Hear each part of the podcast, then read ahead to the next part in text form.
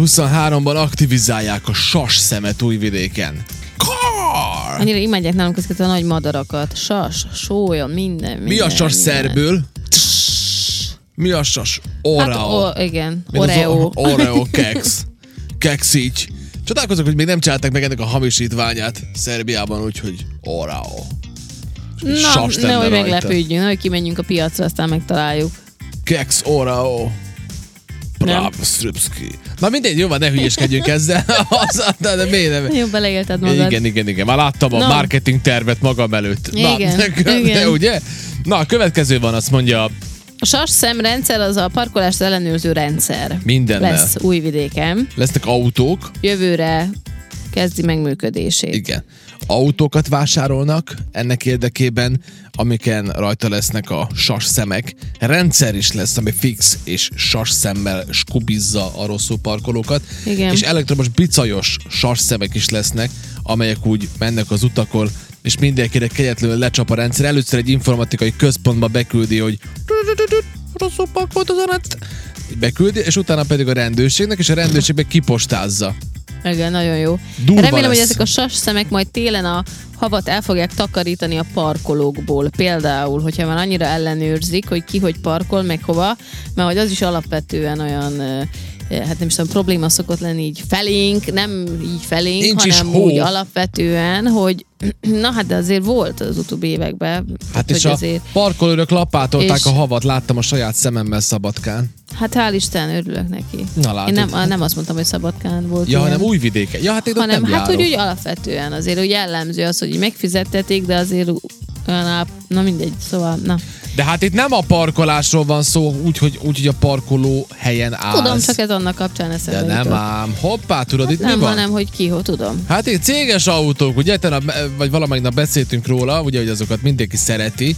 250 ezer dináros büntetés jár akkor, hogyha céges autóval zöld területen állsz. Hoppá, fűre lépni tilos! Ugye? Igen. Ö, Jogi személyek esetében 150 ezer dinár a magánterületen történő parkolás. Na ez olyan jellemző, mint az állatot, hogy csak beparkolok az Anett elé, hát mindjárt megyek tovább majd, tudod, kikézbesítek egy csomagot.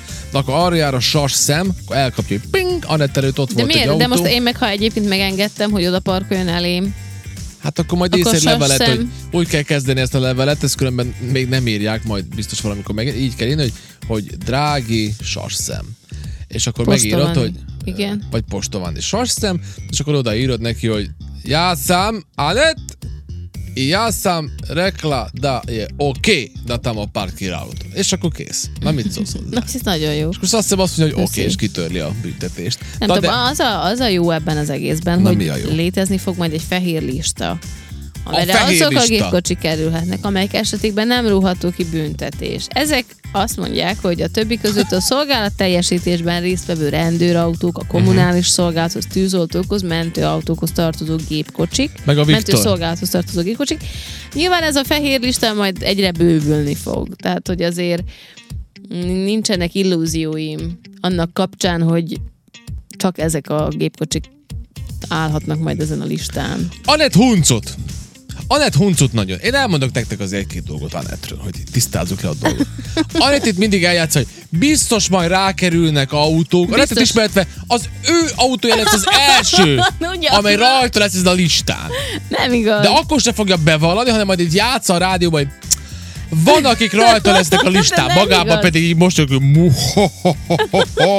én is ott vagyok az én kis piros hát én az autómmal. újvidéki listán nem leszek. Hát jó, de rajta. majd a szabadkár, ez egy Na, szabadkai. Azon lehet. Na, az, nem, hogy lehet. Biztos. Szabadkán Garantálom. nem lesz ilyen. Rárakom a fejem most, hogy ott lesz rögtön a Na Zanett jó. autója a fehér listán, Jó. és majd nem értjük, hogy B parkol mindig ilyen furán, de hát nem baj. Ez van, ezt kell szeretni. Úgyhogy ennyit Anettről, és az ő kis ö, ö, kérdéseiről itt mindig, amit így feldob, hogy jaj, így, Ja. meg jaj, meg úgy, persze.